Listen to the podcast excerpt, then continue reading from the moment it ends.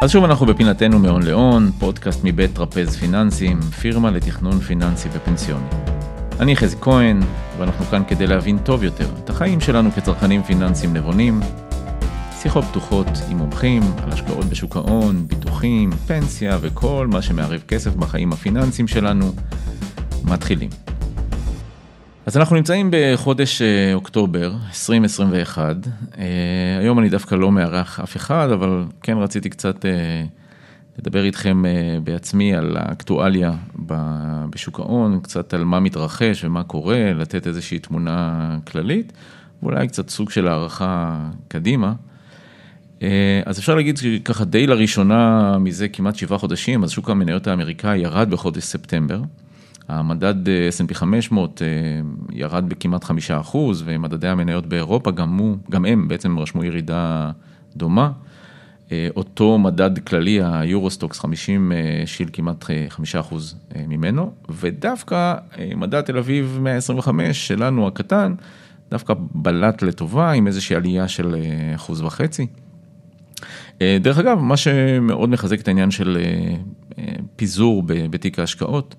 אה, שצריך לראות שבעצם אנחנו מפוזרים לא רק באזור גיאוגרפי כזה או אחר, אפרופו כל מסלולי מחקי המדד למיניהם, כן צריך לדעת שיש בתיק אה, גם אה, חשיפות אחרות.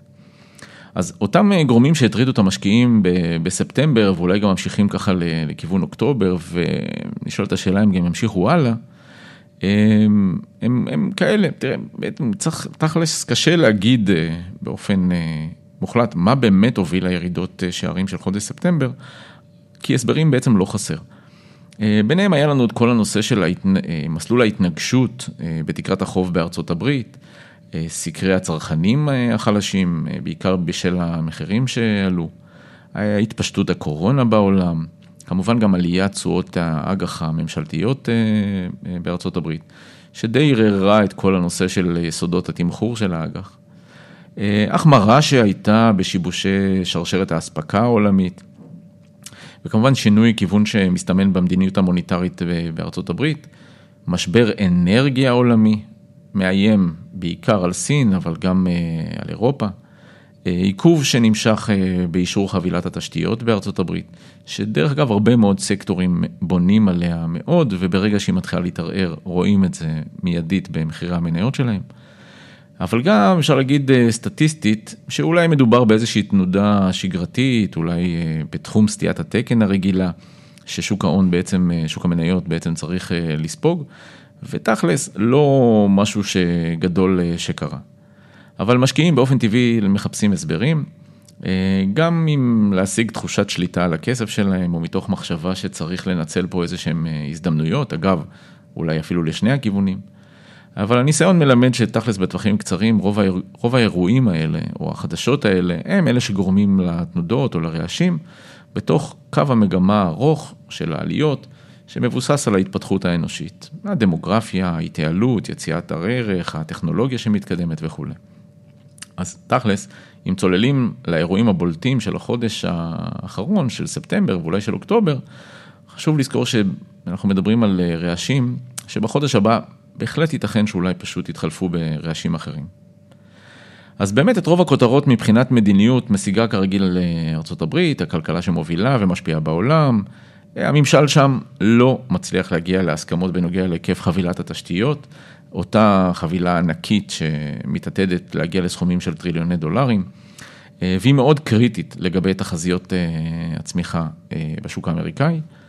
אה, יש שם עיכובים, יש גם סקפטיות, וכנראה גם זה מוביל לירידה בציפיות של מה באמת אה, יוכרע בסוף. אה, חוסר ההסכמות שם לא נגמר, אה, הם אפילו לא מצליחים לאשר את התקציב השגרתי, ומזכירת האוצר ילן מדברת על זה שזה יכול להביא לאיזשהו כיבוי במרכאות חלקי של הממשל כבר ב, בסוף חודש אוקטובר. כמובן שהכיבוי הזה יכול להוביל לירידה בהוצאה הציבורית. אה, אבל גם לחוסר יכולת של אה, הממשל לשרת את החוב, שצריך להיפדות אפילו כבר אה, בחודש הזה, מה שטכנית מאיים על אפשרות שארצות הברית תגיע לחדלות פירעון, כמובן תרחיש נורא קשה לדמיין אותו. ובטח שתהיה מאוד מסוכנת לשוק הפיננסי, גם ברמת הציפיות שאולי זה משהו, משהו שיכול לקרות. מצד שני, הסיכונים, הסיכונים האלה כבר די ידועים, הם די מגולמים נכון להיום בשווקים. ככה שאיזשהו פתרון אולי ברגע האחרון באמת יכול להביא לאיזושהי עליית שערים פתאומית. מבחינת סקרי הצרכנים, ממשיכים לתאר רמה נמוכה, בעיקר בשל זינוק במחירים של מוצרים רבים. העלייה במחירים מוסברת דרך קשיים בייצור, קשיים בשרשרת האספקה העולמית, וזה די מערער את הביטחון של הצרכנים. ככה שבעוד עליית המחירים שמאיימות לחנוק את הצמיחה, הם גם אלה של מחירי האנרגיה שעולים, אולי אפילו אפשר להגיד מזנקים. אפשר להגיד שגרמו לכך מספר גורמים, ביניהם הזינוק בעקבות הביקושים, גם בגלל החורף הקר בשנה הקודמת, שדי גרם לריקון מלאי הגז באירופה ואיזשהו מחסור בגז שמגיע מרוסיה. בסין המחסור בגז הוביל לשיתוק כלכלי של חלקים מהאזורים, כיבוי של תחנות כוח, וגם אפילו איזשהו איום באירופה שקיים איזשהו תרחיש לזה שפשוט תהיה הפסקת חשמל באזורים לתקופות קצת ממושכות. יש איזושהי תקווה לשיפור, כשהמשקיעים תולים את התקוות בקרטל הנפט אופק, שעשוי לאשר הגדלת מכסות בעתיד. יש לא מעט אנליסטים שחוזים שמחיר הנפט יגיע בקרוב אפילו לרמה של 100 דולר לחבית, לא מחיר שחבית הנפט לא הייתה, אבל כרגע אולי נראה קצת דמיוני, אבל יש מי שמאמין שזה יהיה שם. עליית תשואות האג"ח הממשלתיות האמריקאית, גם היא ולבדה אפילו די מהדקת את התנאים הפיננסיים גם לחברות, או מערערת את כל הנושא של תמחור שוק המניות נכון להיום, כשהציפייה היא כמובן לעליית תשואות אולי גם בעתיד ועליית ריבית בהמשך. כל אותם תנאים פיננסיים שעכשיו יהפכו להיות לאיזשהו גורם שלילי מהותי לשווקים, בהחלט יכול להיות סיטואציה שמבחינת קובעי המדיניות פתאום יהיה איזשהו סיבוב פרסה, ואז פתאום נחווה איזשהו תיקון משמעותי כלפי מעלה. זאת אומרת, יש פה די חוסר ודאות.